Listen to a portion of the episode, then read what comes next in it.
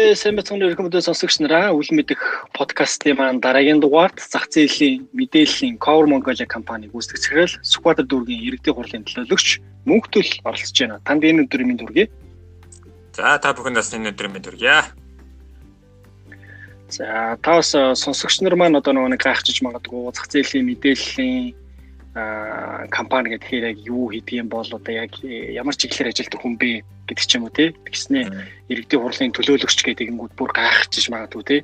Ингиж нөгөө хоёр ажил зэрэг хийж болдго юм уу ч гэдэг юм уу тий. Аа нэг нь одоо хуу хөвшил, нэг нь болохоор төрийн ажилч гэдэг юм уу ингээд. Тэгэхээр энэ өнцгөөс нөгөө нэг та бас өөрийнхөө яг хийж байгаа ажлаа сонсогчд маань танилцуулаач. За баярлалаа аа тодорхой нэг улс төрийн албан тушаалууд маань бол нөгөө бүтэн цагийн ажил биш байдаг. Тэгэхээр дүүрэг, сумын, нийслэлийн, аймгийн иргэдийн төлөөлөгчдийн хурлын төлөөлөгч гэхлээрээ нөгөө бүтэн цагийн ажил биш л те. Тэгэхээр үндсэн ажлыг хийгээд хажуугаар нь одоо энэ улс төрийн албан албан тушаалын ажлаа хийдэг гэсэн үг л те. Тэгээд тэр утгаараа ингээд одоо энэ давхар ажиллаа хийгээд байна гэсэн үг л дээ. Ер нь бол цаашлаад энэ улс төрийн чиглэлээр одоо дагнан ажиллах явцтай байгаа гэсэн үг.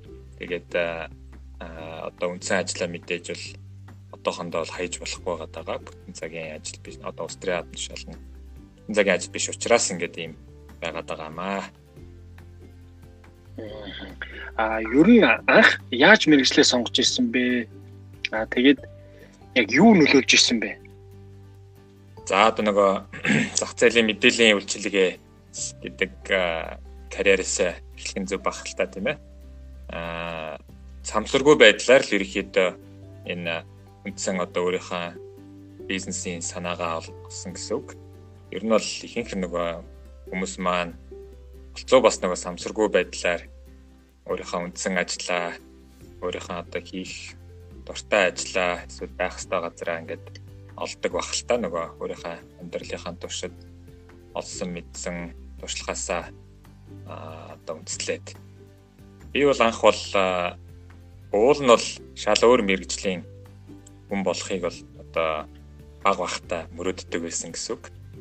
Аа 10 жил байхдаа бүр программын софтвер чиглэлийн мэрэгжлийг бол өөрөө мөрөдөжсэн. Одоо код бичдэг, програм бичдэг хүн болохыг бол мөрөдөжсэн л та. Тэгээд нэг явцдаа а одоо мэрэгчлээ одоо нөгөө бакалаврынхаа мэрэгчлээ ингээд сольж таарсан л да. Уул нь бол би чинь 2000 онд одоо хуучнаар бол одоо Gitems гэдэг сургууль байдаг гэсэн нөгөө TC компьютер техник менежментийн сургууль гэж байх үед байсан л та. Тэр үед 2000 онд програм хангамжийн бакалаврын хэлбэрт анх орж ирсэн. Тэгээд 2000 онд нэг самсаргүй байдлаар Японы засгийн газрын тэтгэлэг гэж байдаг Момбушо гэдэг. Японы босрлын яамны тэтгэлэг байдаг. Тэрэнд нь одоо нэг бизнесийн удирдлагаар тохиолдлоор одоо самсаргүй гэх юм уу одоо тэр нь одоо тэнцээд явах зорилготой биш а найзыгаа дагаад ингээд шалгалтаа өгөөд тэгээд тэнцсэн байдیں۔ 2002 онд. Тэгээд нөгөө тэр үед чан гадагшаа ингээд тэтгэлэгтэй явах бол хүн болгоны мөрөөдөл а одоо ч гэсэн тийм л дээ. Гэтэ нөгөө тэтгэлгээр гадагшаа явах боломж нь бас хомс байдаг байсан үе учраас бас ээж автагаа зөвлөж агаад эдийн ингээд нэг мэрэгчлээ шал өөртэй нэг нь одоо IT-ийн чиглэл нөгөөх нь одоо нийгмийн ухааны чиглэл ингээд сольж байгаа ч гэсэн ер нь бол явах нь зөв юм байна гэд аж автаа зөвлөв шийдээд ингээд явцдаа адаг сургууль бакалавра сурж байхдаа солилцсон гэсэн үг. Тэгээд Японд 2003 онд эхлээд нэг хэлний нэг жил бэлтгээл дараад нь 4 жил ингээд одоо бизнесийн удирдлагын бакалаврын хөтөлбөрт орж исэн л да. Тэгээд яг уу яг бол бас залуучуудаа бас нэг сургамж олж магадгүй миний одоо боловсролын түүх маань бас нэг нэг талаасаа алдаа миний зүгээс хийсэн алдаа бас өөрийнхөө буюу одоо өөрийнхөө дуртай биш мэрэгчлэрээ бакалавраараа сурж байсан болж таарсан л та. Тэгээд нөгөө тэтгэлгийн хөтөлбөр учраас нөгөө хугацаанд хангалттай кредит авч иж нөгөө тэтгэлэг нь төгснө. Тэгээд хэрвээ хангалттай кредит авч чадахгүй бол тэтгэлэг нь дуустдаг. Цаашлаад нэг үргэлжлүүлээд үлдсэн кредит авъя гэвэл хувьяасаа төлөх шаардлага гараад тэгээд би Японд Сайтамагийн их сургууль гэдэг нэг улсын харьяалалтай сургуулиудын нэг тэрийг би яг хугацаанд төгсч чадаагүй. Тэгээд буюу үндсэндээ одоо өөрөө цаашлаад ингээд төлбөрөө төлөх боломжгүй болсон учраас дундаас нь ингээд орхиод ирэхээс өөр аргагүй болсон л доо. Тэгээд үндсэндээ одоо 2009 онд а нэг сард Монголд ирчээд одоо шууд ажлын гараалуу орсон. а одоо бакалаврын дипломгүй л гэсэн үг шүү дээ. Аа тэгээд Монголд байдаг нэг Японы хөрөнгө оруулалттай одоо үнэ цаасны компани буюу одоо брокеринг компани гэж ярьдаг. Тэгээд брокеринг компанид ажил одоо минь орсон маань миний карьерийн анхны ажил байсан. Тэгээд ер нь хөрөнгөний зах зээлтэй холбоотой Монгол руу хөрөнгө оруулалт татах Монголын талаар одоо зөвлөгөө өгөх Монголын эдийн засаг, хөрөнгөний зах зээлийн орчин, за тэгээ мэдээж уулуурхаа гэл бүх тал нь за мэдээж улс төрийн талаарх ойлголт. Энэ бүгдийг ингээд нөгөө харилцагч нартай өгдөг, мэдээлэлээр хангадаг байхаас одоо одоогийн миний бизнесийн санаа тэндээс олцсон л доо. Монголын тухай мэдээллийг англи хэл дээр ингээд цуглуулад төвөрлээд харилцагч харилцагч нартай өгдөг байх нь бол миний одоо бизнесийн анхны санааны эхлэл нь. Тэгээд брокероор ажиллаж байхдаа дараад нэг Австралийн CPS Securities гэдэг нэг брокинг компаниас Монгол дахь захирлаар нь ажиллаад Монголд одоо үйл ажиллагаа явуулдаг уулуурхан хаагуулын компаниудад хөрөнгө босгож өгдөг Австралийн хөрөнгөний бирж дээр одоо IPO хийдэг ийм ажил хийж байгаа. Тэгээд дараад нь 2013 онд өөрийнхөө энэ Cover Mongolia гэдэг нэртэй а зах зээлийн мэдээллийн үйлчилгээ эрхэлдэг компани гэдэг ийм компанийг байгуулсан маань одоо энэ зах зээлийн шинжээч гэдэг одоо мэрэгчлээ олж авсан түүхэн байгаа юм л да. За тэгвэл одоо жишээлбэл яг таны хувьд бизнесийн чиглэлээр тэгээд давхар ус аа улс төрд ороод ингэж явж байгаагийн хувьд ер нь яг ямар байдаг вэ? Одоо жишээлбэл үндсэн нөгөө нэг ажлын хаажуугаар давхар бас ингэж part timer нэг юу яваад шүү дээ. Ажил өөр харилцаа бас яваад шүү дээ. Тэгэхээр энийг ер нь ингээ хослуулж ингэж явхад ер нь ямар байдаг вэ? Мэдээж бол нөгөө тодорхой бас нэг иргэдийн төлөөлөл болоод сонгуулаараас эрхээ аваад сонгогдоод ингээд ажиллах нь гэдэг бол мэдээж маш том хариуцлагын асуудал тийм ээ. Цаанаас хэдэн мянган иргэдийн төлөөлөл болж тэдний дуу хоолойг энэ дүүргийн иргэдийн төлөвшний хуралдаас орох нь бол үүрэг. Тэгэхээр нэг талаасаа а иргэдээ 100% төлөөлөд явъя гэвэл нэлээд цаг зарцуулах нь бол зарцуулах эрхтэй. А гэхдээ бас нөгөө үндсэн ажлаа хайж болохгүй. Үндсэн ажлаа хийгээ явах нь бол бас бас нэг миний нэг үүрэг байгаад байгаа. Тэгэхээр энийг хослуулах цагаа зөв зохицуулах нь бол нэлээд бас хүндрэлтэй байдаг. Гэтэл яах аргагүй зохицуулаад явахаас өөр арга байхгүй яг хоо яагаад нөгөөний бизнесийн салбарт байж байгаа улс төрийн бас зам руу орчвоо гэвэл би ер нь Монголд ирчээд Монголд ер нь ажил хийж үзээгүй байжгаад одоо 2009 онд ихсэн дээ. Тэгж явах явцдаа бас хөрөнгөний зах зээлийн талаар мэдээлэл өгдөг. Сая бас нэг хөрөнгөний зах зээлийн талаар бас ярьцлага өгчдөг. Энэ бүгдээс ингээд нөгөө олон нийттэй харилцах ажлууд маань ихсэн болов уу гэж боддог. Тэгээд а маш олон одоо төрийн бас байгууллагуудаас олон нийтийн байгууллагуудаас одоо гишүүнээр эсэх за өдөрт халдан жишээ аших ингээд ийм саналууд ирдэг байсан. Тэр болонд нь би нэлээд дуртай байсан л та. Тэгээд нэг мэдсэн чинь би 2015 он гэхэд бүр нэг 10 төрийн бас байгууллагын өдөр зөвлөлт нь гишүүнээр ажилладаг. За тэрнийх нь нэг тал орчмынх нь өдөрдох халдан жишээл хашдаг За тэрнийх нь заримыг нь өөрөө бүр байгуулсан төрөн бас байгууллагууд байдаг байсан болж таарсан л та. Өөрөөр хэлбэл нөгөө өдрийнхаа сэрүүн цагийнхаа ихэнхийг нь олон нийтэд чиглэсэн ажил хийдэг. Тэрэндээ өөрөө дуртай. Тэнгүүтээ үндсэн өөрийнхөө одоо бизнесээ оройн цагаар гэрт одоо шин орой сууж хийдэг. болж таарсан л да. Тэгээд өөрийгөө нэг дүгнээд бодсон чинь а бизнесийн бизнесмен хүн гэхээсээ илүү би олон нийтэд чиглэсэн ажилд илүү дуртай юм байна гэдгээ ойлгосон л доо.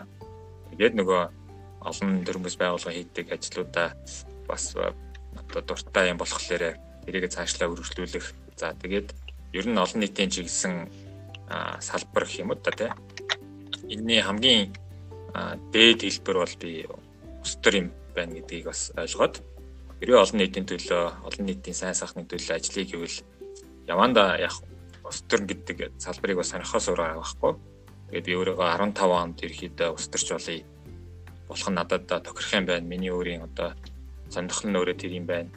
Олон нийтийн төлөө ажил хийх дуртай юм байна гэдгийг ойлгоод 15 онд одоо ягийн одоо хөтөлмөрийн үндсэн намтай нийлсэн л та тэр үед одоо хөтөлмөрийн үндсэн нам дахин шинжилэн байгуулах гэсэн үед тэгээд би нөгөө одоо хөтөлмөрийн үндсэн намд байгаа удирдлагууд байгуулсан хүмүүсүүд манаас бүгдээрээ нэлээд өндөр босралтай нэлээд өндөр мэрэгжлийн чадвартай туршлагатай хүмүүс байж таарсан л та.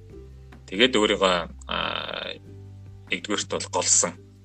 Би чинь дахиад нөгөө сануулхад нөгөө 10 жилийнхаа л дипломтойгоо явж исэн үе л дээ тэр 15 гэдэг бол. Тэгээд би ерөөсөө яа сургууль руугаа эргээд оръё. а бакалаврын дипломоо олж авъя. За бакалавр бас хангалтгүй магистрт суралцъя За зүгээр ч нэг магистрээс биш бас нэлээд дэлхийд бас нэр хүндтэй сургуульд нь очиж сурыг магистраа бол би бүр төрийн бодлогоор суралцъя гэдгээ бас тэр үедээ шийдсэн байсан. Тэгээд би нөгөө буцаад нөгөө Gitems Gitems-тэй эргэж буцаж ийсээд а тэр үед нөгөө Gitems гэдэг нөгөө шинжилгээ зохион байгуулалтад компьютерийн IT-ийн ангиуд нөгөө холбооны сургуультай нийлцсэн. А тэгээд нөгөө хуучин Gitems маань цэвэр менежментийн сургууль болсон байсан л та одоогийн нэр нь бол бизнесийн удирдлага хүмүүнлэгийн сургууль гэдэг нэртэй. Тэгээд тэндээ ороод мэдээж хуучин одоо байсан кредитүүдэд дахин ашиглаад гэхдээ бас нөгөө олон жил одоо код бичээгүй одоо сураагүй хүн чинь нөгөө хоцрогдсонтай миний мэдлэг маань.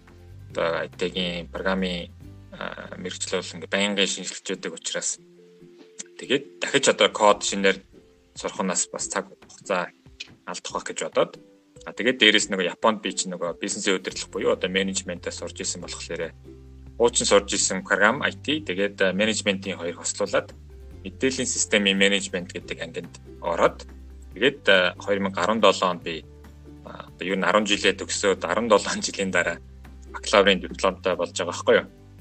Би чи нөгөө хоёр дээд сургууль хайцсан гэсэн үг шүү дээ. Нэгдүгээрт бол Китаймст орчоод дундаас нь Япон явцсан. Японд бас нэг сургуулаа бас дуусгал хүрээд ирсэн. Тэгээд 3 дахь оролдлогоор одоо бакалаврын дипломтой болсон манаас нэг талаас одоо юу юм да нөгөө миний өөрийн алдаагаа засах гэсэн оролдлого нөгөө талаас бас баг бахта мэрэгчлээ буруу сонгоод тийм ээ. Уул нь анхны мэрэгжил маань миний хамгийн дуртай мэрэгжлээсэн боловч дундаас нь бас надад нэг тохирохгүй мэрэгчлэр би Япон явцсан юм байна гэдэг бас нөгөө юуха гимшиг одоо гэдэг ухаарлаар дундуу нь хослоод мэдээллийн системийн менежменттэй ангаар 17 он төгсөөд тэгээд 17 онд бакалаврын дипломоо авчаад шууд нөгөө магистрийн руугаа явах ажлаа эхлүүлсэн.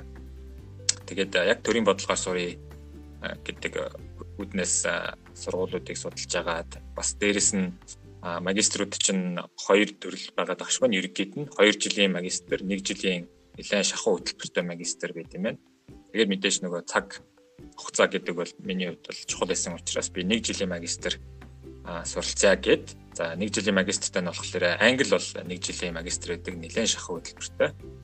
Тэр утгаасаа би нөгөө английн засгийн газрын чивнингийн тэтгэлэгт бол өрсөлдөөд а нөгөө талд нь төрийн бодлогоор би Сингапурын төрийн бодлого надад нэлээд сонирхол татагдсан. Тэгээд тэнд сурж исэн төгсөөд ирсэн найзуудаасаа зөвлөгөө аваад ер нь Сингапурын үндэсний их сургуулийн харьяа Литуаниуг нэрмжид төрийн бодлогын сургууль суралцъя гэдэг шийдвэр гаргаад бас нөгөө тэтгэлэгт нь өрсөлдөе гэдэг. Тэгээд хоёр тэтгэлэгт өрсөлдөөд хоёуланд нь тэнцсэн л дээ. Тэгээд тэнцчээд би Англи явах уу, Сингапур явах уу гэж шийдэж байхдаа Сингапурыг сонгосон. Сингапурыг гэхдээ яагаад сонгосон бэ гэвэл одоо ер нь орчин үед бол дэлхийн одоо их мэдлийн хуваарлт бол нэлээд Аз руу ойртож байна. эдийн эдийн засаг бас томорж байгаа бас зөвхөн эдэд биш зөв өмнөд Азийн орнууд бас нэлээ шинэлэг орчин үеийн байгаа хөгжлөөр бас нэлээд тэргүүлж байгаа гэдэг утгаараа Аз одоо Аз стилийн төрийн бодлогыг суралцвал Монгол илүү дөхөн юм болов уу гэж бодоод сурсан. Ер нь бол яг төрийн бодлого гэдэг нэг тийм онол болоод ч юм уу эсвэл хичээл болоод явсан нь бол одоо англиас гаралтай гэж ярьдсан байлээ. Одоо англи маягийн төрийн бодлого, төрийн удирдлага, тийм засгийн бодлого гэдэг нь бол англи гаралтай. Тэгээд тэр нь цаашаа Америк руу хөрвөө цаашлаад ингээд явж исэн. А гэтээ ер нь бол одоо орчин үед бол Аз стилийн Аз төрлийн төрийн бодлого бас дэлхийд нэлээд бас амжилттай байгаа болж эхэлж байна. Тэр утгаараа Сингапур нь сургацсан зүйл юм байна гэд Сингапурын үндэсний их сургуулийг сонгоод тэгээд 10 2018 оноос 19 оны хооронд Ликонигийн сургууль төрийн удирдлагын магистраар нэг жилийн одоо нэлээд шахуу хөтөлбөрөөр судалцаад тэгээд 19 онд төгсөөд ирсэн байгаамаа. Маш адармаатай хэрнээ маш сонирхолтой байдлаар мэрэгчлээ нөгөө нэг эзэмшсэн гэдгийг бас сонсогч нар маань сонсоод бас их таатай байгаа.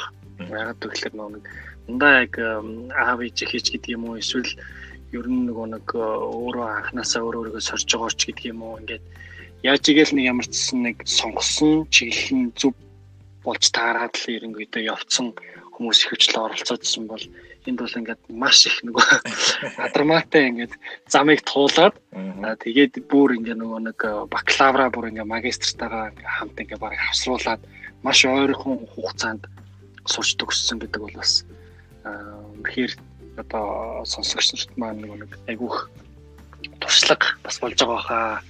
Маш анханасаа нөгөө нэг өөр өөрийгөө олж танихад бас хитрхийх нөгөө нэг хугацаа нөгөө нэг алдаад ижлэхгүй маш ер нь хугацаа асын хугацсан ер нь бас нэлээд хугацаа шахуу болдог шүү гэдгийг бас энд давхар сануулад авлаа гэж би бол бас харж байна.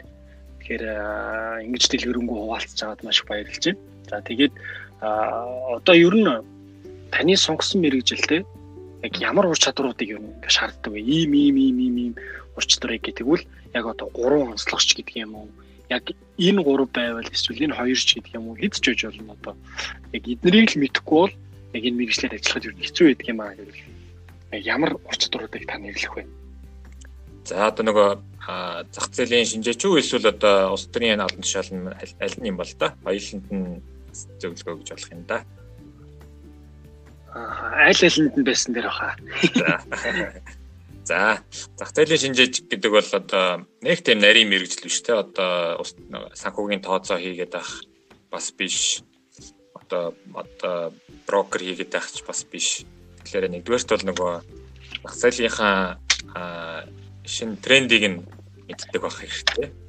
Одоо зах зээл одоо Монголын Монголын нөхцөлд зах зээлд хөрөнгө оруулалт хийх Монголын хөрөнгө оруулалтын орчин мэддэг байх хэрэгтэй. Тэгэхээр бас Монголд маань хөрөнгө оруулалтын орчин, бизнесийн орчин гэхлээр яах аргагүй нэг улс төрийн бодлоготойгоо шууд холбогдоод байдаг учраас а хоёрдугаар магадгүй чадвар нь маань бол улс төрийн нөхцөл байдлыг бас байнгын дүгнэлт хийж чаддаг. Ядаж нөгөө нэг хаана ямар улс төрийн хүчнүүд, намууд байдаг, ямар улс төрчд байдаг. Энэ улс төрч бол нэг иймэрхүү эдийн засгийн бодлого, бизнесийн бодлого бол дэмждэг, дэмждэггүй гэх мэтлэн мэдээлэлтэй байх нь бол чухал баг. А хоёрдугаар, гуравдугаарт нь бол магадгүй магадгүй жишээ нөгөө харьцагчдынхаа бас нөгөө юг хүсэлтийг бас урчил мэддэг байх хэрэгтэй. Тэр утгаараа нөгөө магадгүй харилцагч нар маань өөрсөнд нь хэрэгтэй гэж мэдхгүй байгаа юмыг нас хэлж өгч чаддаг байх хэрэгтэй. Энэ гурван чадвар байж ч одоо нөгөө зах зээлээ өөрөө жоохон судлаад дүн шинжилгээгээд харилцагч нартаа хэлэх нь шүү дээ. Та нар одоо энэ үйл явдлыг бол та ажиглаарай. Монголын улс төрийн болж шүү. Монголын одоо зах зээл одоо хөрөнгө оруулалтын орчинд ийм өөрчлөлт урдах шүү гэдэг зүйлүүдийг нь урчилж бас хэлж мэддэг байх чадварууд бол хэрэгтэй байх л та. За тэгээд мэдээж дараад нь нөгөө өөрөө одоо хөрөнгө бас брокераар ажиллаж исэн болохоор хөрөнгөний зах зээлийнхаа тухай мэдээлэлтэй мэдлэгтэй. Тэгээд тэр мэдлэгүүдийн одоо өөрийнхөө мэдээлэлтэй одоо зах зээлийн мэдээллийн үүрэгтэй гэдэг гэдэг зүйлээ одоо босруулаад өгч чадна гэсэн үг л дээ. Аа ус төр за би бол ус төрийг бол ингээд олон нийтэд гээд ангилт илчээ. Ус төрийн олон нийт заавалчгүй одоо нэг ус төрч болж сонгогдоод ингээд олон нийтийн төлөө ажиллана гэсэн үг биш шүү дээ тийм ээ. Ер нь олон нийт чиглэсэн ажил англиар бол тэрийг бол тодорхой хэлээд өгчдөг public гэж хэлээд өгчдөг шүү дээ. Public policy гэдэг бол нэг талаараа бол зөвхөн төрийн бодлого биш. Аа нийгмийн бүх одоо салбарууд нэгжүүдийн төрийн бодлогын үйл явцад оролцсон байна гэдэг одоо онол руу шилжиж байгаа. Тэгэхээр нөгөө иргэний нийгэм байгууллагууд байна тийм ээ. Мэргэжлийн холбоотууд байж болно. Энэ бүгд бол одоо төрийн бодлогын босруулах үйл явцад оролцдог хүмүүсээ. Аа тэгэхээр энэ англиар нь ямар чадрууд аюул зүгээр юм бэ гэж бодглохлээрэ нэгдүгээрт бол өөрөө олон нийтэд хийх ажил хийх дуртай байх хэрэгтэй гэж боддог. Эхгүйгээр нөгөө зөвхөн одоо юу гэдэг а хувийн ашиг сонирхлоороо хувийнхаа бизнесээ эсвэл хувийнхаа амьдралаа сайжруулах гэж ч юм уу ийм хүсэлтэй хүмүүс ингээд ус төр ч юм уу олон нийтийн ажил хийгээд яваад байдаг харагддаг л та. Тэгэхээр яг үнэхээр өөрөө чи олон нийтийн төлөө юм хийхдээ дуртай өөрөө тэрэндээ кайфтай байх хэрэгтэй. Хувь хүний орлого ашиг одоо өөрийнхөө эд хөрөнгөө хөрөнгөө өсгөхөөс илүү олон нийтэд ажил хийснээрээ өөрөө кайфтай байх хэрэгтэй болов уу гэж бодож байна. Хоёрдугаарт нь бол одоо а одоо олон нийтийн олон нийтийн төлөө ажил хийнэ гэдэг бол нөгөө цаад нөгөө одоо зорилтод бүлэг нь бол мэдээж иргэд штэ. Тэгэхээр иргэдийнхэн бас дуу хоолойг сонсдог байх хэрэгтэй юм бэлээ. А тэгхгүйгээр нөгөө одоо яг мэрэгчлэрээ дагуу ажиллаж байгаа хүмүүс бол бас нэг талаасаа тайрцлагдсан байдаг. Яг үнэхээр одоо хэрэгтэй хүмүүст нь тухайн амьдралыг мэддгөө одоо өөрийнхөө хувьд улс төрчөөр жишээ авъя гэвэл одоо би нэлээд эмзэг бүлгийн иргэд бүр одоо нөгөө өрхийн орлого нь баг ядуу ийм одоо Монгол Монгол иргэдийн амьдралыг үнэхээр бас мэдэх шаардлагатай юм билээ. Тэгжиж өөрийгөө одоо хайрцагнаасаа гаргаж чаддаг байх гаргаж иж эдний хүсэл хүсэл бодол мөрөөдлийг нь бас мэдчихэж тэрийгэ тэгжиж нөгөө нэг ус төрийнхаа ажлаа хийх юм болов уу гэж бодож байна. За 3 дугаар ур чадвар бол би ингэж хэлнэ. Маш одоо хамтран ажиллах чадвартай байх хэрэгтэй. Олон талын нөгөө нэг оролцоог хангаж хангаж ич нөгөө одоо хэрэгжүүлэх гэж байгаа олон нийтийн төлөө хийх гэж байгаа ажил нь одоо урт хугацааны хувьд хэрэгжинэ Тэгэхгүйгээр зөвхөн өөрөө зөвхөн нэг хэсэг хүмүүсүүдийн цугларж байгаа л за хэдүүлээ одоо нэг ийм төсөл хэрэгжүүлээ. Энэ бол манай иргэдэд маш хэрэгтэй төсөл юм байна гэд маш хайрцагцсан хүрээнд шийдвэрүүдээ гаргаад тэрийгэ нөгөө хэрэгжүүлээд мөнгө нь байвал одоо нэг хэсэгтээ хэрэгжиж болно. Гэхдээ цаашлаад а хугацаанд хэрэгжихийн тулд тэр чинь нэг олон нийтийн дэмжлэг оролцоо байж ижил нөгөө нэг олон нийтийн ажил явдаг. Тийм утгаараа нөгөө бүх одоо шатанда олон талын дуу хоолой оролцоог нь хангаж чадчих. Эхэндээ бол маш хэцүү юм мэдээж цаг хугацаа их аавна. Одоо нэг бүгднийх нь оролцоог нь хангах нь чинь бас нэлээ яригтай цаг хугацааны асуудал. Гэхдээ алстаа бол хамгийн одоо урт хугацаанд доктортой хэрэгжих төслүүд байх юм болов. Тэгэхээр нэг хамтран ажиллах чадвартай, бусдыгаа сонсох чадвартай байх хэвээр. Ийм гурван чадвар олон нийтийн төлөө за энэ дондоо улс төрийн ажилч гэсэн бас энэ адилхан ийм гурван чадвар ихтэй болов уу гэж бодож байна. За ер нь нөгөө нэг та улс төрд яагаад орсон бэ гэдэг шалтгаанаа бол нэлийн сайн түрүүн нөгөө нэг нэлийн дэлгэрэнгүй ярьчлаа тий. А тэгтээ а бас яг одоо нөгөө нэг гайхчихж магадгүй л та одоо нөгөө сонсогч нар маань тий. Иргэдийн хуралд одоо жишээлбэл иргэдийн хурал гэхэлэр яг юу гэдгийг жишээлбэл одоо зарим залуучууд бол мэдэхгүй байх жишээний байгаад байгаа. Тэгэхээр магадгүй одоо нөгөө нэг яг түрүүн бас нэлээд задлаад дэлгэрэнгүй бас товчхон зарим зүйлүүдийг дурдсан байна. Жишээлбэл иргэдийнхээ дуу хоолойг сонсч хүлээж авах гэдэг тий. Тэгэхээр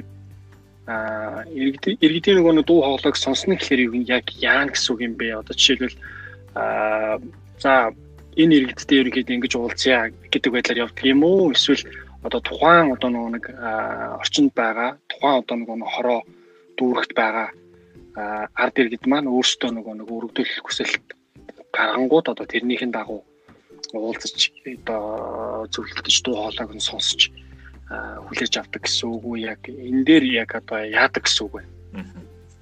Тэгээ нөгөө хуулиараа ч гэсэн нөгөө тухайн сонгогдсон тойрог за эсвэл тойрог гэдэг нь одоо миний хувьд бол нөгөө хороо гэсэн үг. А Сүхбаатар дүүргийн 2 дугаар хороо буюу одоо 220 мянга цэргийн зүүн талд байдаг.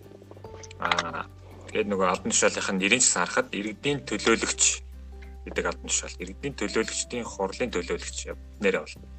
Тэгэхээр иргэдийнхаа бүх хүсэл саналыг нь бол сонсож авах ёстой албан тушаал. Тэгээд тэрийг нь а шаардлагатай төвшөнд шаардлагатай их мэдлэлтэй хүнд нь тэр нөгөө саналыг нь уламжлах ёстой. А иргэдийн төлөөлөгч гэхлээрээ а ер нь бүх албан тушаал ерөнхийлөгч төртөл одоо албан бичиг бичих хэрэгтэй. Одоо би тодорхой иргэдээсээ сонгогдсон төлөөлөгчийн хувьд би бүрэн эрхийнхаа хүрээнд иргэдийнхаа санал бодол хүсэлтийг нь бүх төвшний албан тушаалын хүмүүсүүд одоо хүсэлтийг нь уламжлах үүрэгтэй хуулиараа. А яг дүүргийнхаа хэмжээнд болохоор нөгөө жил болгон дүүргийн төсөв гэж батлагддаг, дүүргийн төлөвлөгөө гэж батлагддаг, дүүргийн нэг газар зохион байгуулалтын төлөвлөгөө гэж бас батлагддаг дүүргээс одоо хэрэгжүүлдэг олон одоо хөрөнгө оруулалтын ажлууд байдаг. Дүүргийн төсвөр болон дүүргийн орон нутгийн хөгжлийн сангаар хэрэгжүүлдэг жил болго ингээд нэлээд томхон чиж гэж хэлж болох төсвүүд байдаг. Тэгээд миний одоо иргэдийн төлөөлөгч үүрэг бол одоо одоо одоо 21 он гарцсан гэдэг бол одоо 2022 оны онд хэрэгжүүлэх дүүргийн төсвөр хийх хөрөнгө оруулалтын ажлуудад одоо иргэдээсээ санал авах ёстой. Одоо юу гэдэг газар зам засвар хийх, байшингийн дээвэр засах юу гэдэг за бүгдийн талбай, тоглоомын талбай а гэдэг ч юм уу. Энэ бүгд дээр одоо иргэдийн дуулага тусгаад дүүргийн төсөв суулгах одоо одоо миний үүрэгтэй гэх юм уу да тий. Эртгэн иргэдээсээ санал авч жагаад одоо дөнгөж одоо санал байгаа үед нь босруулаад ингээ өгөхтэй. А гэхдээ зөвхөн дүүргийн төсөв биш, түрүүний хэлдгээр нийслэлийн хэмжээнд шийдвэрлэж байгаа асуудал би бас дүүргийн нийслэлийн иргэдийн одоо хуралд нийслэлийн засаг даргад одоо хүсэлтийг нь уламжлах бас үүрэгтэй. А цаашлаа бүр засгийн газар ч гэсэн одоо саналуудыг хөрвүүлэх ийм үүрэгтэй хүндэлтэй. Тэгэхээр ингээд базаад нэг хэлэхэд иргэдийн төлөөлөгч гэдэг бол ердөө иргэдэл төлөөлдөг хүн. Бүхий л төвшөнд одоо иргэдэд төлөөлөд дуу хоолойнд болоод явж явах хэрэгтэй хүнийг бол одоо иргэдийн төлөөлөгч гэж гэдэг гэж гэж ойлгох хэрэгтэй. Аа энэ дээр бас нэг юм нөгөө нэг асуух зүйл гарч ирж байгаа байхгүй юу? Одоо жишээлбэл ялангуяа гэрээ оролдод одоо жишээлбэл яг нөгөө нэг амьдарч байгаа ард иргэдийн жишээлбэл нөгөө нэг дуу хоолой арай жишээлбэл нөгөө нэг баг одоо жишээлбэл нөгөө нэг байдаг юм шиг тий санагддаг байхгүй юу? Аа үгүй ч гэж магадгүй. Гэтэ нөгөө нэг тодорхой хэмжээнд асуудлууд бол ингээд юу хаана байгаа даа гэхээр ерөнхийдөө бол ингээд аслагдмал ерөнхийдөө дүүргүүдэд бас ер нь бол илүү тохиолдоод байх шиг. А тэгэнгүүт тэд нар жишээлбэл яг ингээд нөгөө яахаа мэдэхгүй хаана хандхаа яг ямар тастараалаар яаж явахаа мэдэхгүй болоод ч тэр юм уу а жишээлбэл яг хинт хандхаа мэддгүү те. Засаг дараадаа хэлэнгүүд нөгөө засаг дарга жишээлбэл сонсцоод а за наатах чи ингээ ингээ тгий гэдэг ингэнгүүтээ 7 хоног 10 хоногийн дараа жишээлбэл нөгөөтгөн шийдэгдээгүй яг л бах байдгаараа нөгөө засаг дарга нь жишээлбэл зүгээр л ярьсан болохоос ш багт ямар нэгэн тэрийн саналыг нь ингээд жишээлбэл хүргээгүй байх нь байдаг. А тэгвэл яг одоо нөгөө нэг тухайн иргэн өөрөө өөрийнхөө үгийг тэр тулгараад байгаа асуудал нь жишээлбэл ингээд нийтлэг гэдгийг одоо илэрхийлэхдээ ямар байдлаар илэрхийлвэл одоо ингээд шийтгүүц хэмжээнд те одоо яг төрөний ингээд нэг жилдээ жишээлбэл ийм юм ихээр ерөнхийдөө төлөвлөгдсөн гэд төсөвлөгдсөн гэд ярьж шít те. Тэгэхээр а яг энэ зүтэн жишээлбэл яг энэ одоо нэг асуудлыг шийдчих хэрэгтэй байгаа даа гэдэг юм а. Яаж илэрхийлэх хэрэгтэй байдаг юм бол яавал одоо нөгөө нэг зөв дэс дарааллаар яг нөгөө нэг үр дүнд хүрхүүц одоо нөгөө нэг санал одоо тэр юугаа а илэрхийлдэг юм болоо. Ментал дээр та бас хуваалцвал. Тэгэхээр энэ бол нөгөө өнгөрсөн 30 жилийн хугацаанд дүүргийн төлөөлөгч дүүргийн иргэдийн төлөөлөгч за цаашлаад бүр нийслэлийн иргэдийн төлөөлөгч гэдэг хүмүүс маань ажлаа хангалтгүй хийж байгааг л одоо илэрлэн энэ байгаа байхгүй юу. Иргэд маань аа шийдвэр гаргах төвшөнд хүмүүст яаж нөгөө саналаа өргөлдөө гэдгээч мэдэхгүй үргэлжсэн ч гэсэн тэр нь цаашаад хэрэгждэггүй байгаа нь бол төлөөлөгч нар маань ажлаа муу хийсэн гэсэн үг. Тэгэхээр одоо хаач амьдарч исэн эхлээд нөгөө нэг одоо нийслэлийн нийслэлээр л хийж шахахад бол түрүүний хэлж байгаа хорооныхаа засаг дарга дээр одоо анхны шатн дээр бол одоо өөрийнхөө хүсэл бодлоо илэрхийлэх нь зүйтэй. Гэхдээ тэн дээр бол шийдвэрлэхгүй байгаа нэг шалтгаан бол нэг хорооны засаг дарах чинь бас шууд иргэдээсээ сонгогддгүй албан тушаал а одоо нэг хороо болгон дээр нэг иргэдийн иргэдийн нийтийн хурал гэж байдیں۔ Тэр нь одоо ухаанда хорооны парламент гэсэн үг байхгүй да. Дүүргийн иргэдийн хурал гэдэг шиг а хороо болгон нэг иргэдийн нийтийн хурал гэж байдаг. Тэгэхээр энийгээ ч хийдэггүй буюу а тэндээс хорооны засаг дарга нэр дэвшүүлээд тэгээд тэрийн дүүргийн засаг дарга томилтیں۔ Энэ нөгөө нэг анхан шатны одоо нутгийн өөрөө өдөрдох гэдэг ёс байдаг. Тэрний хууч одоо хуулиараа ч гэсэн заасан байдаг. Энэ дээр нөгөө нэг иргэдийн дуу болоо сонсдоггүй. Маш хаалттай үрээнд хорооныхаа засаг дарга ингэ сонгочод байдаг байхгүй. Тийм учраас нөгөө нэг хорооны дарга нь гэдэг нь бол иргэдийн шууд одоо мэдлийн биш. Иргэдэн тэдний хувьд бол нэг тийм дарга нь биш байгаад байгаад тийм тогтолцоо байгаад байгаа юм. Тэгэхээр а нэгдүгээрт бол нөгөө иргэдийн нийтийн хурал гэдэг бол маш сайн зохион байгуулад иргэд өөрсдөө тэнд нь оролцох бүрэн эрхтэй байдаг. Тэгээд 4 жилдээ одоо хорооны засаг дараагаар ажиллах хүмүүсүүдээ иргэд нь өөрсдөө сонгодог байх. Тэгвэл арай иргэдээ сонгодог бол сонсдог болно. За цаашлаад нөгөө нэг дүүргийнхаа иргэдийн төлөөлөгчтэйгээ гомдлоо өстө дуртай гомдлоо дүүргээс одоо өөрөөс хорооноос ч сонгогдсон дүүргийн иргэдийн төлөөлөгчтэйгээ саналаа маш сайн уламжилдаг байх хэрэгтэй. За нийслэлийн иргэдийн төлөөлөгчтэйгээ маш сайн бас саналыг нь уламжилдаг байх хэрэгтэй. Тэднээс маань өөрсдөө одоо иргэдээсээ сонгогдсон одон тушаал учраас ямар ч гомдол байсан иргэдийн саналыг нь сонсдог сонсдог байх хэрэгтэй. Тэгээд нөгөө ийм жишг ерөөсөө өнгөрсөн 30 жилд тогтоогүй улмаас иргэд маань одоо байгаа бүх гомдол бухимдлаа нөгөө тойргоос сонгогдсон их хурлын гишүүнлөөгөө бүх гомдлоо ингээд өгөөд идэг. Одоо жижиг сажиг одоо дүүргийнхээ хэмжээнд бүр хорооныхаа хэмжээнд хийх боломжтой их мэдлийн өвч гэсэн одоо зөвхөн хороо дүүрэг дээр шийдэг асуудлуудыг гişүдлүгөө аа одоо гомдол тавьд идэв шүү дээ тий. Одоо манай зам болохгүй байна. Одоо аа энэ нэг юу барих худаг барих хэрэгтэй байна. Энд нэг хашаа буулгах хэрэгтэй байна гэдэг асуудлуудыг чинь их хурлын гишүүд уулын шийддэг байхгүй да. А гэхдээ нөгөө нийслэл дүүргийн одоо хэмжээний одоо ухаандаа дүүргийн парламентын гишүүн гэсэн үг шүү дээ. Тэр хүмүүсүүд маань нөгөө иргэдийн дуу хоолойг цаашаа уламжлалтдаггүй эсвэл сонсдоггүй эсвэл албаар одоо нөгөө тийм харилцаа байдаггүй юм шиг болгонгууд нөгөө бүгдээрээ гişүдлэг бай хандаад гэдэг ийм асуудал байдаг. Тэгээ гişүүд нь одоо доошоогоо ингээд одоо гişүүнийхээ эрх мэдэл одоо ашиглаж одоо нийслэлийн улсын төсөвт суулгадаг ч юм уу нийслэлийн төсөв суулгаж өгдөг. Ингээд дараад нь манай гишүүнд л одоо миний гомдлыг биелүүлж өгдөг хүн юм байна. Нэг нийслэлийн төлөөлөгч нь байхгүй, дүүргийн төлөөлөгч нь байхгүй. Ийм тогтолцоо руу орцсон болов уу гэж бодоод байна. Тэгэхээр миний хувьд бол яг хуу анх удаа сонгогдсон. Гэхдээ дүүргийн иргэдийн төлөөлөгч гэдгийг нь яг утгаар нь бас хийж үзүүлэе гэж бод гэдэг бодолтой байгаа. 4 жилийн хугацаанд яг иргэдийнхаа хэрэгтэй гомдлуудыг яг хэрэгтэй хэрэгтэй газарт нь цааш нь дамжуулаад дүүргийн хэмжээнд шийдэх боломжтой асуудлуудыг нь дүүргийн төсөвт нь суулгах гэж бас те оролдох саналаа өргүүлэх ингэж л ажиллая гэж бодож байна л да. За а мэдээж одоо нөгөө нэг яг энэ замналаар ингээд нөгөө нэг гарч ирэхэд бас тийм ч амархан байгаагүй болов те. Бас тодорхой хэмжээнд мэдээж нөгөө нэг саад бэрхшээлүүдийг бол туулж агаад гарч ирсэн баг. Тэгэхээр магадгүй одоо нөгөө нэг а энэ чиглэлийг нөгөө нэг сонирхоод одоо жишээлбэл карьерийг хийхэд төлөвлөлөд явж байгаа залуу энийг сонсч болно те. Тэгвэл ер нь яг ямар одоо нөгөө нэг бэрхшээлийг бэрхшээлд жишээлбэл яг бэлэн одоо нөгөө нэг байж иж байх хэрэгтэй байгаа гэдгийг тэрэнд яг ямар одоо зан чанар нөлөөлж эднэрийг ер нь давхад ер нь тусалдгийг аа гэдэг өнцгөөс одоо та хуваалцвал. За нөгөө магадгүй нөгөө нэг өөртөө аашлаарай. Өөртөө нөгөө нэг тохиолдож исэн одоо жишээлбэл за анх бол ингээд яг үзэж байхад бол ер нь бол ингээд харцсангуу одоо та бас нөгөө нэг яг өөрийнхөө залуу учраас нөгөө нэг өөрийнхөө жишээлбэл яг ингээд хүмүүст туслая гэдэг ингээд юм гол одоо жишээлбэл те. Тэр өмнөд зүйл дээр тулгуурлаж ийшээ орж ирсэн ба штэ тэр ус төрт ингээд шин одоо жишээлбэл өөр өөр нөгөө нэг шин сэвшээ салхи одоо авчирч гэдэг юм уу те гэдэг өнцгөөсөж гэх юм уу?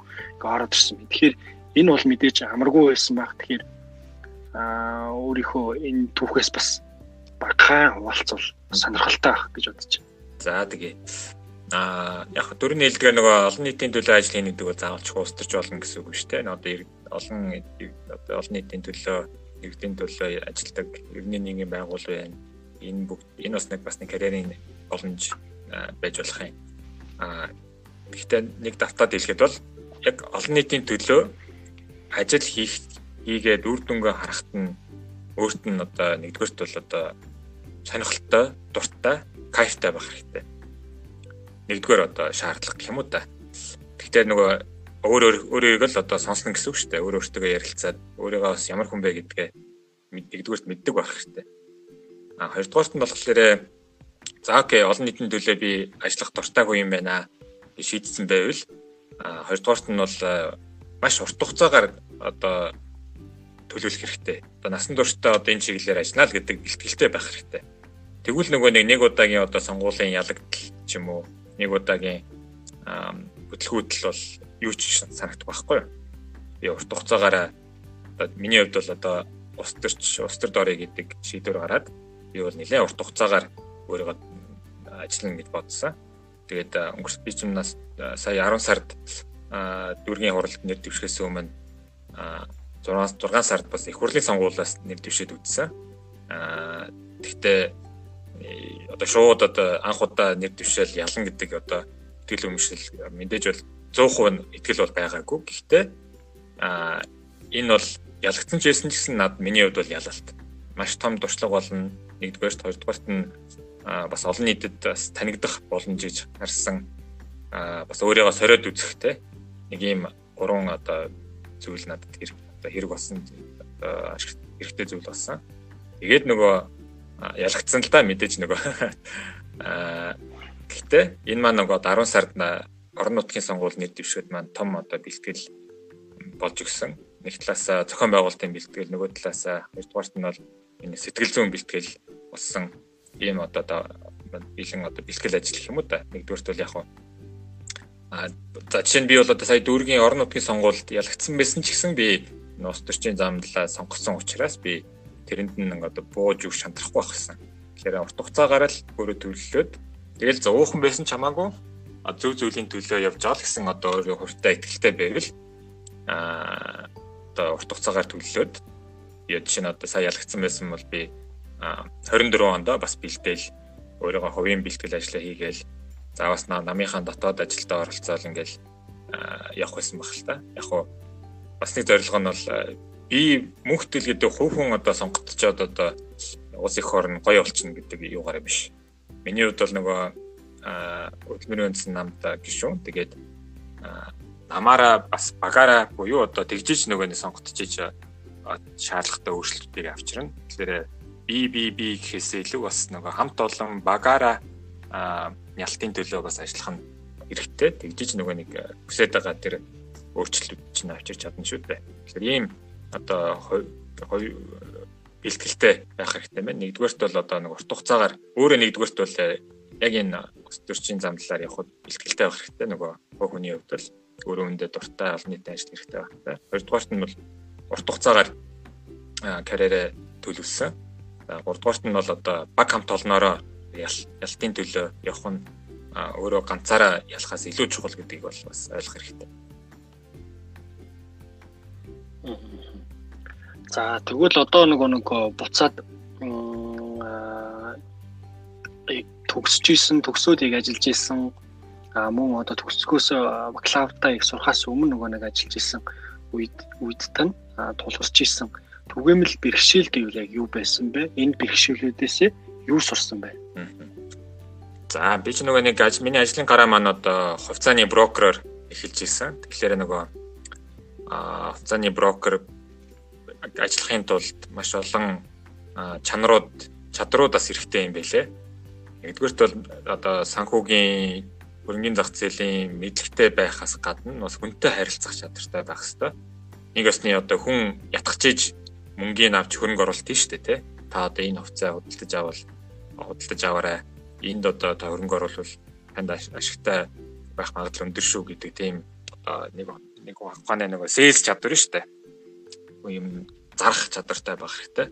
Тэгэхээр миний хийжсэн алдаанууд бол ингээл эхэндээ нөгөө шууд л ингээл нэг хүнтэй танилцсангуудаа шууд ингээд нөгөө бараага хувцаагаа бараага бараа буюу одоо хувцаагаа ингээл э, шах одоо мохоо энгийн хэлгээр хэлвэл одоо бараага шах гэж оролддог байсан нэгдүгürt бол алдаа болсон. Тэгэхээр э, хамгийн том хэрэгтэй зүйл бол одоо чинь э, хөрөнгөний зах зээл брокеринг салбар гэдэг бол байхаа олон салбар тийм л дээ. Яг миний брокеринг салбар ч гэсэн одоо гол одоо ажил явдаг зарчим нь бол ерөөсөө итгэлцлийн зарчим дээр явдаг. Харилцагчтай чи нөгөө итгэлцэл бий болох хэрэгтэй. Чиний харилцагч чамд итгэдэг байх хэрэгтэй. Нэгдүгээрт дараад нь чамд итгэсэн хойно харин чи одоо бараа бүтээгдэхүүнээ хувьцаагаа санал болгоул тэгжиж нөгөө нэг тэдүүс маань чамд итгэдэг учраас нэгдүгээрт хувьцааг чи хөдөлж авд юм байна. Тэгхгүйгээр зөвхөн хувьцаагаа л зарах гэж оролдоод өөрийгөө давхураас зарж байгаа гэдгээ ойлгох хэрэгтэй юм байлээ. Давхар өөрийгөө тэр хүн зарж гин чадвараа тэр хүн зарж гин итгэл даах чадвараа бас тэр хүн таниулах гэж оролдож байна. Ийм чадварууд бол хэрэгтэй юм байлээ. Тэгэхээр нэгэнд одоо итгэлийн аваад хувьцаагийн уцаа худалдаад авахулсан байгаа хойно бол бас үргэлжлүүлэл байнгын одоо нэг харилцагтайгаа холбоотой байж мэдээлэлээр хангаад бас итгэлцлээ алдаж болохгүй ийм зарчмаар ажилладаг салбар юм байлээ. За тэгээд байнгын өөрийгөө мэдлэгээ дээшлүүлж явах хэрэгтэй. Хувьцаа хувьцаа санхүү ер нь ер нь хөрөнгөний зах зээл санхүүгийн зах зээл одоо эдийн засгийн онол гэдэг зүйлүүд чинь бас байнгын бас өөрчлөгдөж идэг шинжлэж идэг зүйлүүд юм байлаа. Тэгэхээр давхараас өөрийгөө хөгжүүлээд улам илүү одоо сайн зөвлөгөө өгч чаддаг, улам илүү мэдээлэлтэй мэдээллийг цуглуулж чаддаг, тэрийг бас харилцагчтай аа дамжуулж зөвлөж чаддаг одоо буюу одоо байнгын өөрийгөө сайжруулж явах чадвар бас брокеринг салбарт бол хэрэгтэй байсан санагдаж байна. Аа нөгөө нэг та бас нөгөө нэг харьцангуй Япон явж исэн одоо жишээлбэл Сингапурт сурж исэн гэдэг ингээд аваад үзэнгүүт аа нэг ийм нөгөө ойлголт байдаг те одоо жишээлбэл яг залуучууд одоо л нөгөө нэг яг энэ хувьцаа бонд одоо тэгээд жишээлбэл хувьцаа нөгөө худалдаж авах хувьцааны дансны хинтэр гэдэг ч юм уу юм харьцангуй. Одоо л ер нь бол ингээд хүмүүст жоохон түгээмэл болж эхэлж штэ тий. А харьцангуйс нөгөө нэг интернет гэдэг зүйлтэй нөгөө нэг холбогдоод англи хэл гэдэг зүйл бас ингээд тодорхой хэмжээнд баг багаар нэвтэрч байгаа хичээлхүү нөгөө хүмүүс хувьцаа гэдэг ингүүд ойлгодог.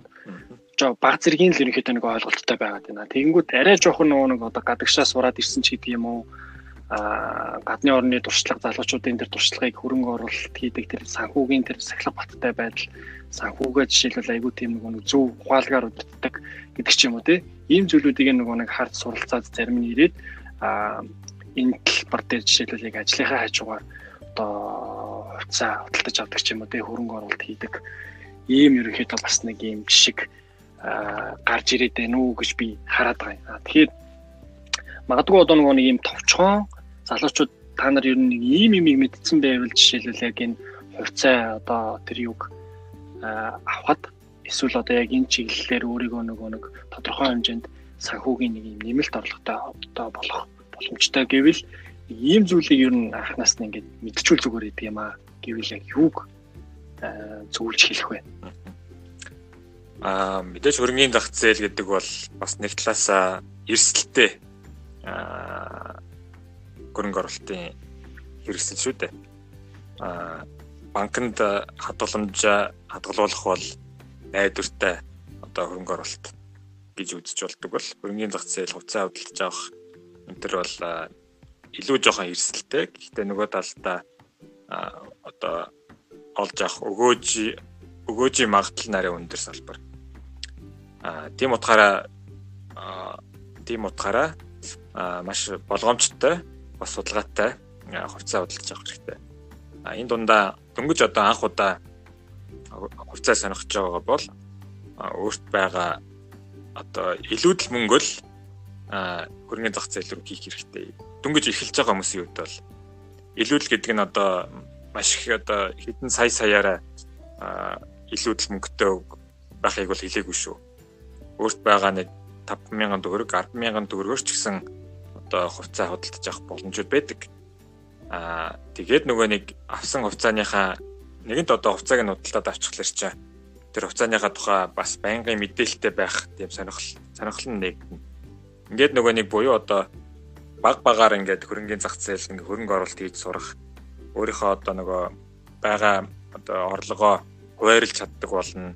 Орлогынхаа зөвхөн одоо нэг 5 ч юм уу 10% нь л би одоо энэс итерхгүй. Энэс итрүүл одоо өөрийнхөө орлого хөрөнгөө эрсдэлд оруулна гэдэг тийм анханасаа тийм дүрм тогтоох хэрэгтэй юм билэ. Тэгжиж нөгөө нэг одоо хөрөнгөний зах зээл чинь бас дээшээ дээшөө явна доошоо савлна те. Дээшээ доошоо савладаг залбар учраас энд бас бол энэ талаар бол ховын бэлтгэл дүрмтэй байх хэрэгтэй. Аа нөгөө зарчим нь бол болохоор зөвхөн нэг төрлийн нэг хувьцаа юм уу эсвэл нэг төрлийн хувьцаа а биш олон салбарын хувьцаануудад ингээд нөгөө мөнгөө хуваарлж бас а юу хөрөнгө оруулах хэрэгтэй. Энийг бол нөгөө портфолио менежмент гэж хэлээд байдаг. Аа тэгэхээр нэг уул уурхайн хувьцаа унвал одоо тэр чигээр уул уурхайн салбарынхан бүгдээрээ унж авах магадaltaй. Нөгөө талд нь магадгүй одоо юу гэдэг IT-ийн компани болохоор харин ч одоо тэр тэр ундалтаас одоо өөр чиглэлд одоо дэшээ өсөж иж магадгүй шүү дээ. Тэгэхээр ингээд мөнгөө сайн хуваарлаад хийх хэрэгтэй юм байлээ. За 3 дугаарт нь болохоор аа за 3 дугаар гэл гэдэлгүй энэ хоёрыг гол зашмаа бариад явхад бол анхны одоо хөрөнгөний зах зээл дээр гарах алхамч нь болох бах. За тэгээд за 3 дугаарт нь болохоор брокерийн компаниудтай одоо брокертойгоо бас харилцаа сайтай байнгын мэдээлэл авдаг. За тэгээд өөрөө нөгөө бас мэдээлэл олох чад олж авах чадвартай байх хэрэгтэй мэдээлүүд нь одоо яг гадна гадаадын хугацаанууд бол биднээс өмнө нарцсангүй мэдээлэл сайтай. Монголын ерөнхий бирж дээр бол манай хувьцаа компаниуд бол дийлэн сайн бүгд мэдээлэл сайн чигд одоо хуулийнхаа дагуу гаргадаг ч тодорхой хэдэн хідэн сайн сайн хувьцаанууд жишээнүүд бол байна. Одоо IPO гаргаснаас хойш амжилттай явж байгаа ч гэсэн хувьцаанууд байна. Энэ бүгдийг бас сонирхоод одоо багахан мөнгөөр ингээд нөгөө хувьцаа аваад эхэлчихвэл явандаа хэдэн жилийн дараа өөрөө нэлээд туршлагатай болоод ирэхлээрээ арай том том дүнтэй ч юм уу арай жоохон эрсдэлтэй хугацаануудыг худалдаж авах ийм одоо нэг сэтгэл зүйн бэлтгэл бөгөөд одоо эрсдлээд авах чадвартай болох юм да. За тэгвэл одоо энэ дээр нэг жижигхэн лавшруулад маш нөгөө нэг товчхон хариулт авахар зүйлийг асуух гэж байна л да.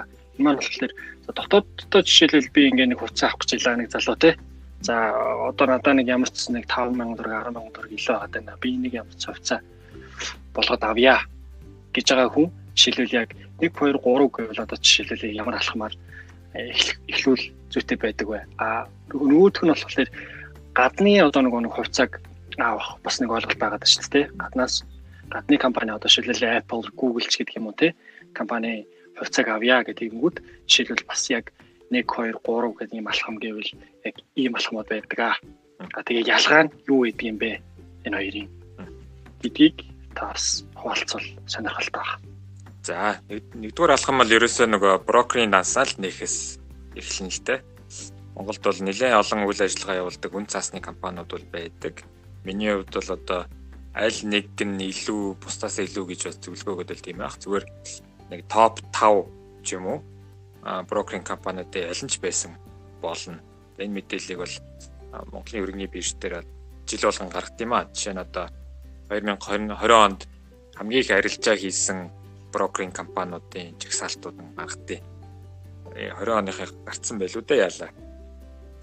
Аа за тэгээд брокеринг данс нээх бол одоо хямдхан шүү дээ. Одоо заримдаа ч нэг үнгүй болгочдөг. Заримдаа бол нэг 5000 төгрөгөөр ч илүү нээчдэг. Тэгээд тэндээ одоо өөрийнхөө мөнгөө байршуулад хөрөнгөний бирж дээр шууд одоо нэг аппликейшнээр харилцаа хийх боломжтой болсон. Одоо брокер том том том брокеринг компани бүгдээр өөр нэгсэн аппликейшнтэй тэндээсээ өөрөө худалдаа авах шийдвэр, зарах шийдвэрүүд гаргаж болно. За энэ бол нэг хоёр дугаар алхам болж байна. Аа гадаадын хөрөнгөний бирж дээр байгаа хувьцаануудыг бол мөн адил энэ брокеринг компани бүгдээрээ одоо гадаадын бүх том биржүүдээс одоо арилжаа хийх эрхтэй нээлттэй болцсон. Тэгэхээр эхлээд нөгөө дотоодынхаа брокеринг компанийн үнцаас нэг компани брокингаас нэгээд тэгээд цаашлаа цаашлаад гадаадын хувьцаа сонирхож байвал өөрөө аппликейшнээрээ худалдаа авах боломжтой. А зөвхөн одоо өөрөө худалдаа авах шийдвэр өөрөө гарах биш бас давхар нөгөө өөрийн чинь дансыг чинь хариуцж байгаа нэг брокер гэж нэг хүн байгаа. Тэр брокертойгоо байнгын харилцаатай а байх хэрэгтэй. Тэгээд одоо баг мөнгөөр оролт тоглож байгаа учраас брокерууд нь харилцан ажиггүй байгаа хэл та. Гэхдээ л тэднээс бүгдээрээ л нөгөө өөртөө чинь зөвлөгөө өгөх үүрэгтэй байдаг учраас санаа зовлтгүй одоо брокертойгоо сайн холбоотой байгаад аль хавцааны компаниудын хувьцааг авах уу гэдэг шийдвэрүүдээ ярилцаад явчих боломжтой ах уу. За одоо яг энтэй нөгөө нэг энэ сэдвтэй холбоотой сүүлийн нэг асуултыг асуучих.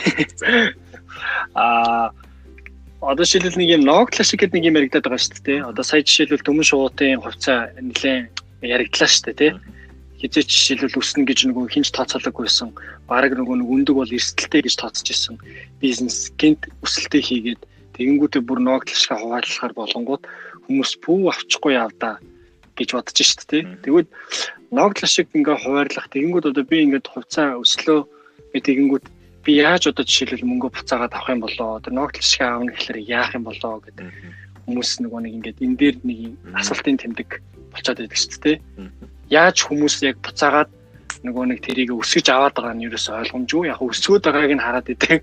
Гэтэл ингээд яг яаж буцаагаад өсгөөд авах одоо тэр процесс нэг юу болдго юм бэ гэдгийг хуваалцвал сонсогчдод маань сонирхолтой байна. За хувьцаанаас бол хоёр аргаар одоо ашиг хийж болно. Нэг нь нөгөө хувьцааны ханш үсгэлээр нь зарх зарж одоо ашиг хийж болно тийм худалдаа авсан анхны үнээс чинь өсчүүл өссөн байгаа үе зарвал ашиг юм. Хоёр дахь арга нь болохоор ногдол ашиг. Хувьцаагаа ерөөсөө зарахгүй байлгаал байна. А тэгээд тэр компани жил жил болгоныхаа ашигаа одоо ногдол ашиг болгож хуваарлж хуваарлах шийдвэр гаргаж болдог. Тэгэхээр төмөн шууд ч юм уу одоо буу сүү говь хэмжлэн одоо банкын ерөнхийд жил болгон ашигтай ажилладаг компаниуд бол ийм төрлийн хувьцаануудыг бол цагийг нь хөдөлж авчаад тэгээд жил болгоныхоо ногд ашгаа хүлээгээ сууж болно. Энийг арга байна. Аа нөгөө нэг аргаар болохоор магадгүй одоохондоо хангалттай одоо ашиг олоогүй ч гэсэн ирээдүйд маш их тийм ашиг олох тийм ирээдүйтэй компаниуд байвал одоо ногд ашиг тараадгүй мөртлөө хувьцаанууд нь ингээд сайн өсөд байх өсөд байдаг талтай компаниуд байдаг. Тэр үед бол одоо бирж дээр зараал ашигаа хийж болно гэсэн үг л дээ. Тэгэхээр компаниудыг ерөнхийд нь бол хувьцаа компаниудыг л ерөнхийд нь бол хоёр ангиж болно. Нэг нь ногд ашгаараа одоо хувьцаа эзэмшигчтэй одоо ашигыг өгдөг. Нөгөө тал нөгөө нь болохоор маш үсэх ирээдүйдээ компаниудад компаниуд одоо хөрөнгөний бирж дээр гараад утгацаанд одоо хувьцааны өсөөд явдаг ийм бизнесүүд байгаа. Тэгэхээр одоо Apple бол жишээ нь энэ хоёр энэ хоёр шинжийг нь хоёуланг нь агуулдаг компани байх жишээтэй. Аа магадгүй одоо тэгвэл Tesla гэдэг шиг компаниуд бол одоо хараахан одоо тийм одоо өндөр ашигтай болж амжаагүй байгаа мөртлөө маш үс маш үсэх гэрээдүүдтэй компани учраас ингээд сайн ингээд байнга өсөд идэг. Ногл ашиг тараадгүй мөртлөө.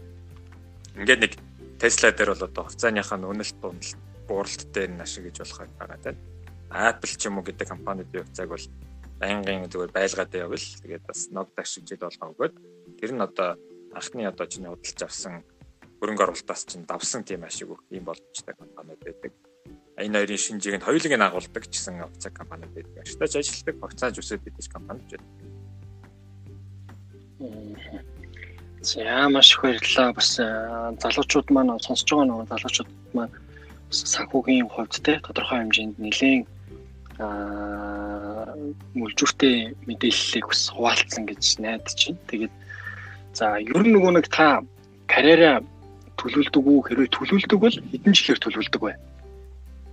За одоо нөгөө ус төрчийн замналаар явж байгаа хүний хувьд бол яхаарахгүй хугацаагаар төлөвлөхөөс өөр арга байхгүй. Тэгээ би дөрөв хэлжүүлсэн 2015 онд ерөнхийдөө шийдвэрээ гаргаад а 20 онд би ямар ч зэн чадвал их хуралд нэр дэвшигтийн төлөвөө гаргаад ажилласан. Тэрнийхээ төлөө ингээд нөгөө сургуульдаа буцаж ороод магистрт ороод ингээд 2000 онд тэр төлөвлөгөөний дагуу би ямар ч сан их хурлын дэвшээд үзчихлээ. Орон нутгийн сонгуулиудаас дэвшээд бас ялалт байгуулаа үзчихлээ. Миний хувьд бол ингээд 20 он хүртэлх төлөвлөгөө маань ингээд биелчээд байна л да. Одоо би бол ингээд 24 онд бас давхар бэлтгэх ёстой болно. 24 онд бас дахиад иргэдийнхээ ажлыг авахын төлөө бас нэр дэвшнэ гэсэн үг. Тэгэхээр нөгөө сонгогдох боломж сонгогдох эрхийг авахын төлөө юу хийх ёстой гэхээр би төлөвлөж байгаа ажлаа маш сайн ёстой. Ингээд 4 жилийнхаа төлөөлөгчийн хувьд би төлөвлөгөө гаргаад ажиллаж байна. За тэгээд бас мэдээж бол намдаа намынхаа ажилд бас хувь нэмэр оруулахыг оруулаа явж байгаа. А бас намынхаа 24 оны сонгуулийн бэлтгэл ажлыг нь төлөвлөд төлөвлөгөөнд нь бас оролцоод явж байна. Ингээд нэг тийм товчхондоо болон одоо 4 жилийн төлөвлөгөө ингээд гаргачаад тэрнийхээ төлөө ингээд одоо наривчлсан төлөвлөгөө гаргаад явж гин гэсэн үг л дээ. А юуныхаа хувьд бол энэ бол миний нөгөө улс төрийн ажил баг. Өөрийнхөө хувийн компанийн ажлыг бол миний хувьд бол одоо 24 он гэхэд би а гэхэд компани манаас хөл дээрээ босцсон өөр өөрийгөө аваа явах чадвартай болгож иж би ч нөгөө нэг тэгжиж нөгөө нэг өөрийнхөө цаг заваа улс төрд илүү олон нийтийн ажил илүү цаг зарцуулдаг боломжтой болно. Тэгэхээр 4 жилийн хугацаанд бас компанийнхаа төлөвлөгөөн дээр бас сууга сууж байна. Өөрөө өөрийгөө аваа явах чадвартай. Надгүйгээр явдаг бас бизнес болохын төлөө би бол зүгээр нэг хувийн эзэмшигч гэдэг өдөр тутмын үйл ажиллагаанд оролцох шаардлагагүй болох болтол нь одоо хөл дээр нь босох ийм л төлөвлөгөөтэй ажиллаж байна да. За тэгвэл одоо яг бизнесийн удирдлагаарч гэдэг юм уу те зах зээлийн одоо шинжээ чиглэлээр эсвэл одоо нөгөө төрийн удирдлагаарч гэдэг юм уу сурах гэж байгаа эсвэл сурж байгаа эсвэл дөнгөж одоо нөгөө ажил дээр гарч байгаа ийм залуучууд одоо та яг юуг зөвлөх вэ? Ямар одоо зөвлөгөө өгөх вэ тий нөгөө хийж байгаа ажилдаа өөрөө дуртай байх хэрэгтэй.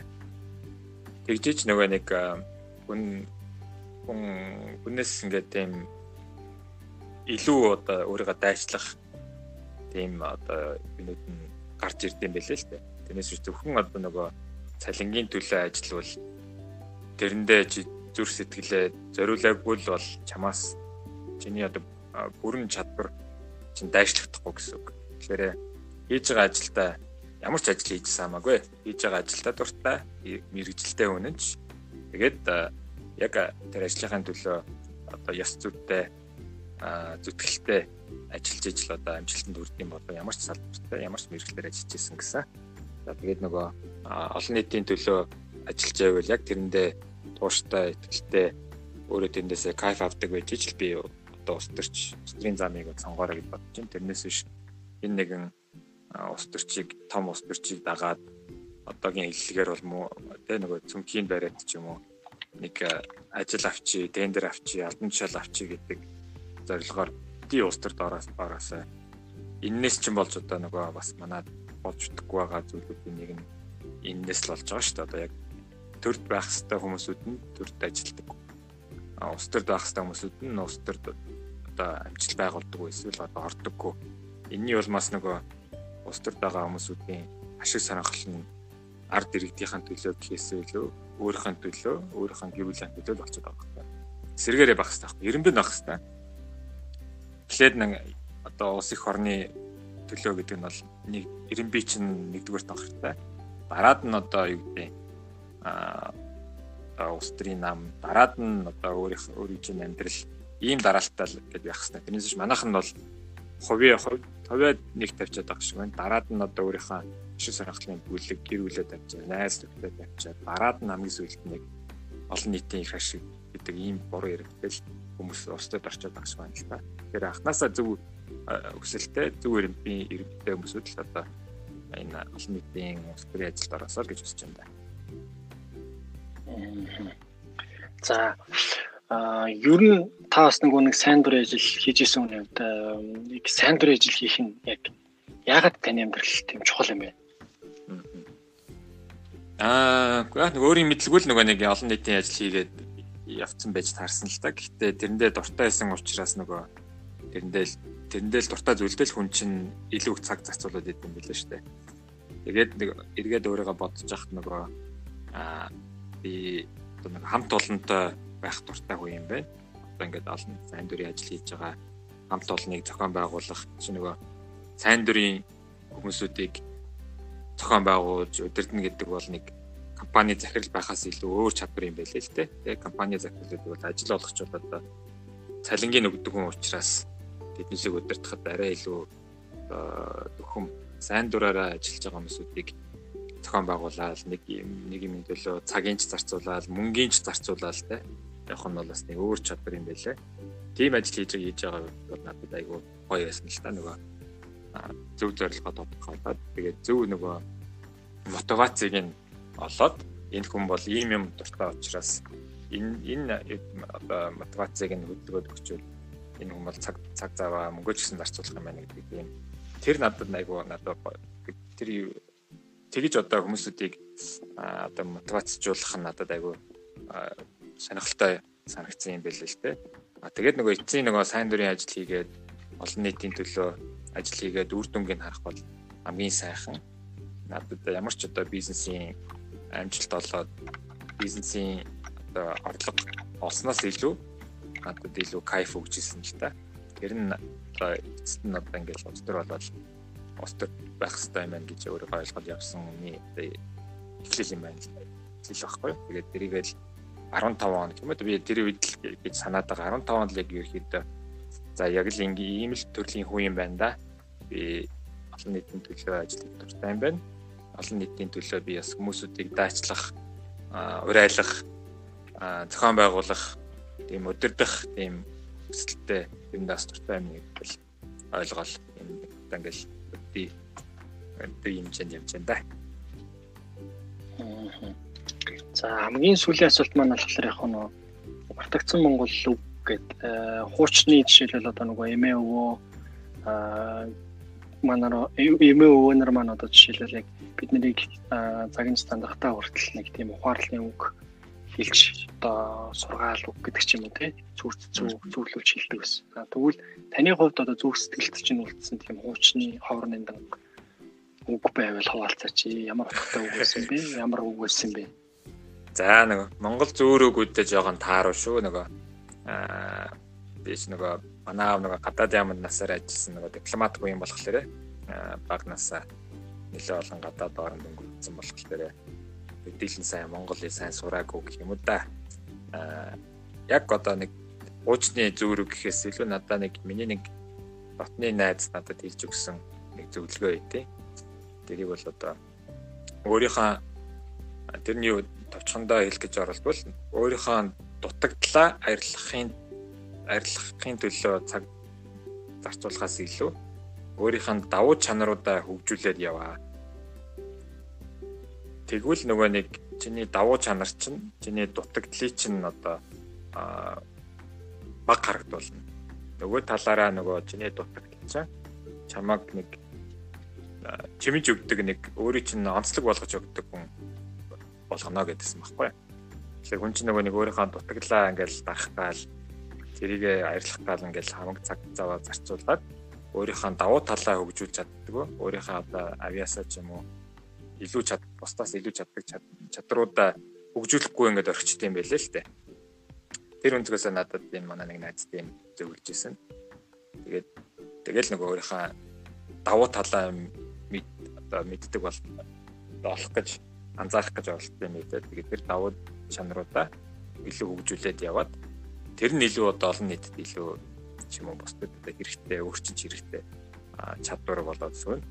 Дутагдлаа арилгана гэвэл одоо тэр шиг одоо мэдээж бол дутагдлаа дарах хэрэгтэй. Гэхдээ нөгөө тэрэндээ хитрхийг цаг зарцуулаад өөрийнхөө давуу талаа өнгөрчдөг юм байна гэдэг ухаараа манай найз над зөвлөсөн та. Үндэ хэлбэл өөрийнхөө сул талаа дарах гэж биш давуу талаа хөгжүүлэхдээ цагаа зарцуулаарай гэж хэлсэн. Маш сайхан сургамж одоо өөрийнхөө туршлагыг бас хуваалцсан танд маш их баярлалаа. Аа тэгээд таны ажилд өндрөөс өндөр амжилтыг хүсэн өрөөё. За маш их баярлалаа. Тэгээд подкастнда намайг сонгож оролцуулсан хүн биштэй маш их баярлалаа. Тэгээд сонсож байгаа залуучуудаа аа ирээдүйн амжилтанд нь амжилт хүсье. Тэгээд эрүүл болгоом эрүүл байгаарай, болгоомжтой байгаарай. Аа тэгээд надтаас би бол бас олон нийт хүн зөр мэддэг зүйлээ хуваалцах айгуу дуртай. Тэгээд надтай холбогдож болоод бас зөвлөгөө авч байна шүү. Тэгээд миний бадралын өнхтөл гэдэг гэрэлээр бичсэн, монголоор бичсэн миний пэйж байгаа. Тэгээд өндөө мессеж бичиж болно шүү гэд хэлээ да. Тэгээд дахин баярлалаа. Яа маш их баярлалаа. Аа магадгүй одоо нөгөө нэг энэ подкаст нийтлэгдэх үед би линкийг бас давхар оруулчихъя. Тэгэхээр та бүхэн линкээр нь ороод түрүүний ярьсанчлан хөнгөлөл зочинтой маань холбогдох боломжтой байна шүү. Тэгээд аа өнөөдрийн дугаарт зах зээлийн мэдээллийн Core Mongolia компани гүйцэтгэх захирал Сүхбаатар дүүргийн иргэдийн хурлын төлөөлөгч хөнгөлөл оролцлоо. Та бүхэн дугаар маань таалагдсан бол subscribe, like дараад бусад хүмүүстээ түгээж өгөөрэй. За баярлалаа.